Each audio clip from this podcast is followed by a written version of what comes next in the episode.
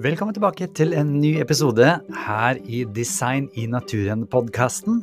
Jeg heter Chris Duve, og jeg vil bare minne deg på at du kan ta hele kurset her helt gratis med 38 forskjellige eh, informasjonsvideoer som da er lagd en podkast ut av, hvis du går inn på chrisduve.no og klikker deg inn på Design i naturen-kurset. Det finnes også et mindre kurs som heter Tre trosdyrkende fakta. Alt dette er altså gratis tilgjengelig. Men nå er det på tide med dagens episode. Vær så god.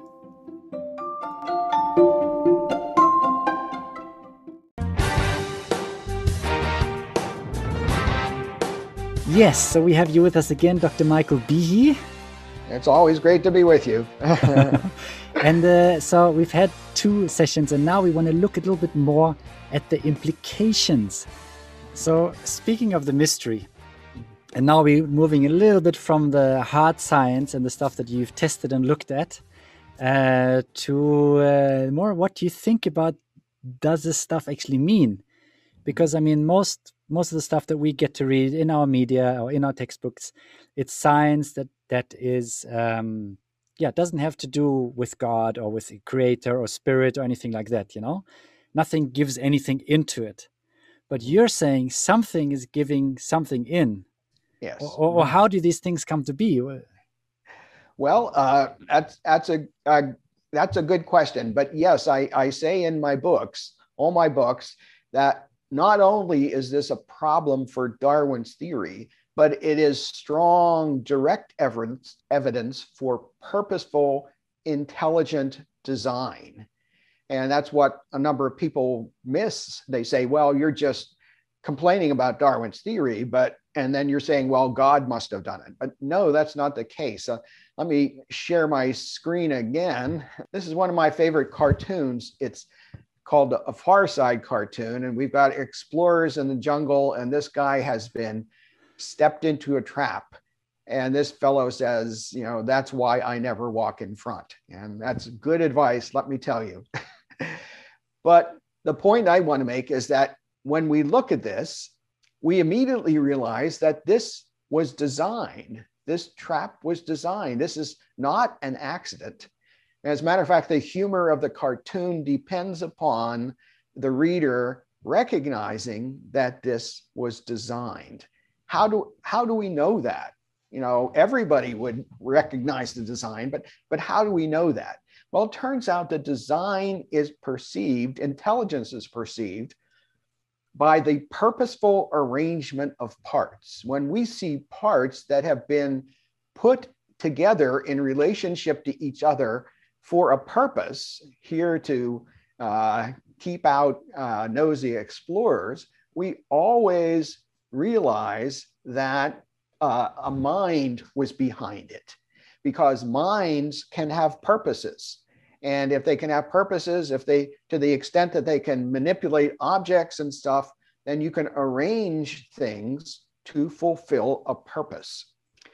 And so when we see also then um, the something like this, of course, the flagellum, we see a very purposeful arrangement of parts. So not only is this a problem for Darwin's theory, it is direct evidence because this is how we perceive the actions of a mind. It's direct evidence for, uh, for the existence of an intelligent designer. What would be the difference between that and, let's say, like a crystal or you know, uh, chemical attractions, making uh, some kind of pattern. I mean, to me, mm-hmm. that could look like design, but actually, it's just chemical attraction. Yeah, exactly. Well, uh, with with design, it is not necessarily a simple interaction, uh, it, and it is not explained by the laws of nature. So, if you get a crystal of sodium chloride, you'd have a sodium and a chloride next to it, a sodium chloride. That might even look pretty, but it doesn't do anything. It doesn't doesn't doesn't perform a function. But if you put proteins together in this structure, it can act as a motor, outboard motor, and it can push a bacterium forward and, and help it survive. So uh, there are many of th- there are certainly laws uh, and there are pretty things, but in order to conclude design, you have to uh, you have to discern a purpose in it. For example, in our cartoon, in the cartoon, this is not the result of electrostatic attraction, or it's not some simple arrangement that has been caused by the wind. We can see the purpose behind uh, behind this thing, and I like to show people that here's the famous sculpture by Rodin called The Thinker. And it turns out that the only way that we recognize a mind, we can't read minds. So we have to look at the empirical uh, effect of a mind to tell that, that somebody has worked. And we do that by perceiving a purposeful arrangement of parts. Do you have any other examples from biology where, where basically there's a purposeful arrangement that cannot be reduced? Oh yeah, yeah, yeah. you can pick up a textbook and and pretty much uh, look at any any page and you will find it. Let me. I'm just. Uh, here's a good one. This is a uh, an insect called the plant hopper, uh, and it's a common insect and um, like a grasshopper.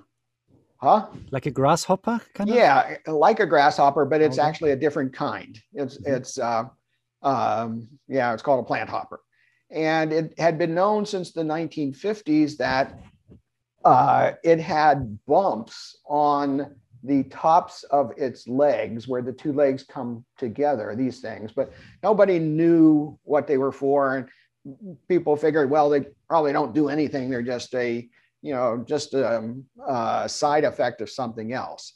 But then new techniques were developed that could look more closely at this structure.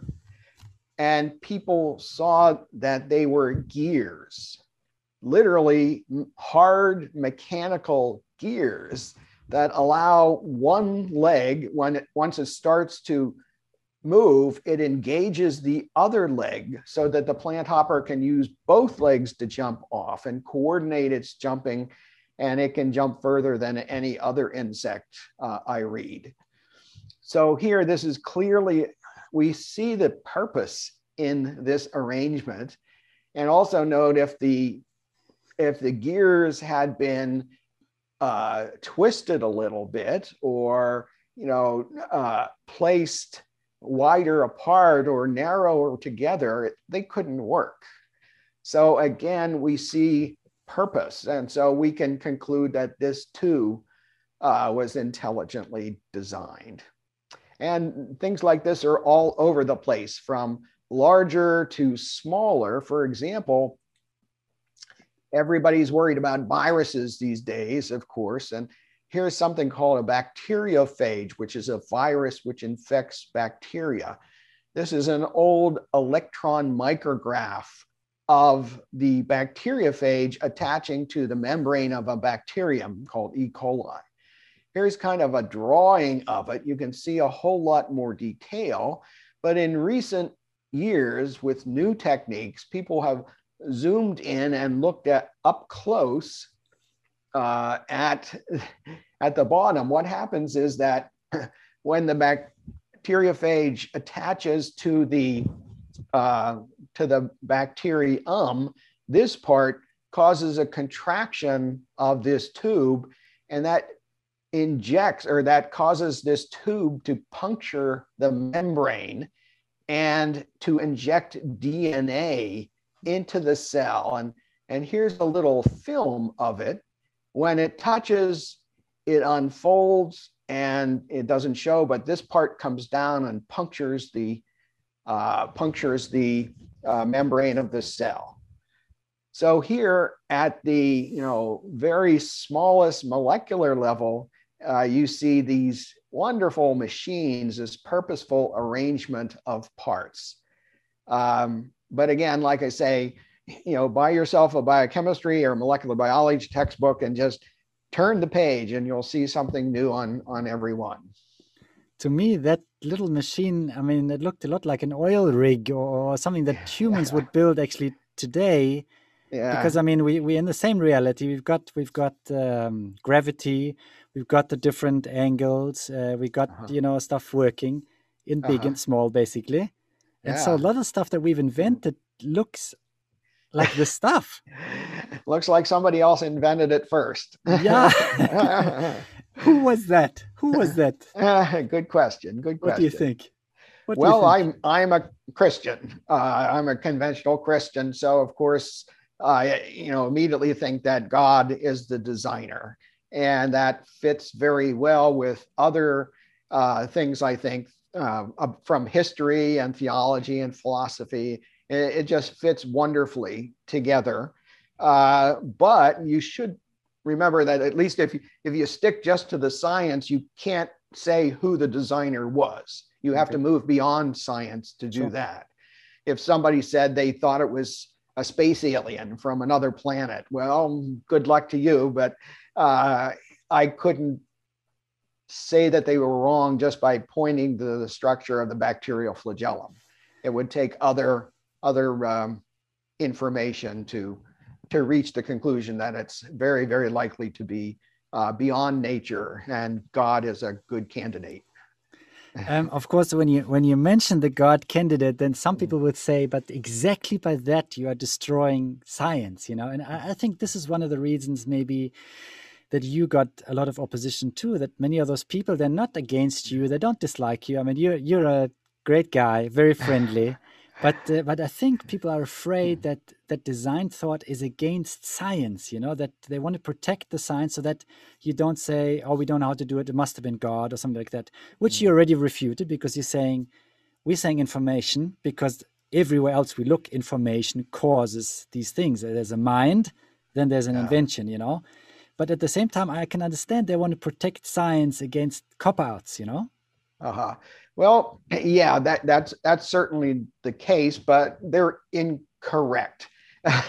because if you look at the history of science, other theories have been proposed which struck scientists at the time as having uh, theological implications, supernatural implications. Perhaps the first one was Isaac Newton's theory of gravity. And when he proposed it, scientists or what people who were natural philosophers in that day said the only way that two bodies can affect each other is by hitting each other. And here Newton was proposing this spooky action at a distance where the moon and the earth they don't touch each other but somehow they affect each other. And that seems like something supernatural. But eventually science accepted it because that described how things were. And another example is the Big Bang Theory that first was proposed in the 1930s. Most scientists before then thought the universe was eternal and unchanging. And then it was seen that galaxies seemed to be receding from each other as if in the aftermath of an explosion and that started the big bang and and people immediately said well you know if it was much smaller that means it had a beginning that the universe had a beginning.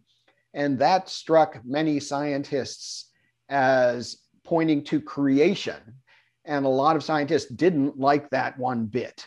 And they opposed the big bang theory because it seemed to have theological implications. Not because of the science actually but just because of exactly and it turns out that it uh, in 1980 or so, in the journal Nature, which is the you know leading science journal of the world, there was an editorial that had the title "Down with the Big Bang Theory," and it said we should get rid of it because it is a creationist theory.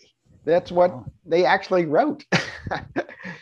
But most scientists have not because it seems to explain things. And I put the intelligent design in the same category. It might have theological implications or philosophical implications, just like the Big Bang Theory or gravity or whatever, but it describes the data where we have, and science has to follow the data where it leads, despite philosophical concerns. If we don't follow the data and and reject an idea because we don't like its implications, then we are betraying science. We are abandoning the mission of science to, to uh, come up with the best explanation for what we observe. You know, that is a very great closing statement. I like that one. Let's do, because we want good science, we want to discover reality.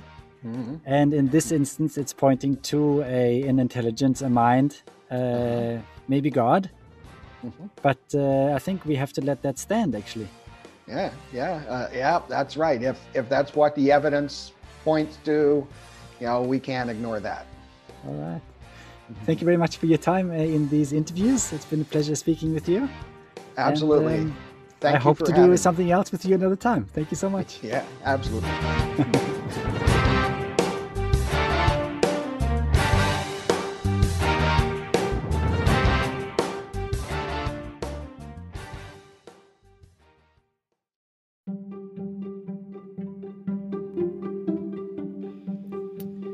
Igjen, dersom du ønsker å få tilgang til de hjelpearkene eller oppgavearkene, så er det jo fullt mulig for deg å signe opp til kurset. Da går det an å laste det ned. Hvis du går inn på chrisduve.no, så ser du all informasjonen der. Dersom du ønsker å støtte denne podkasten og annet arbeid som jeg holder på med, kan du også lese mer om det på chrisduve.no. Takk for nå.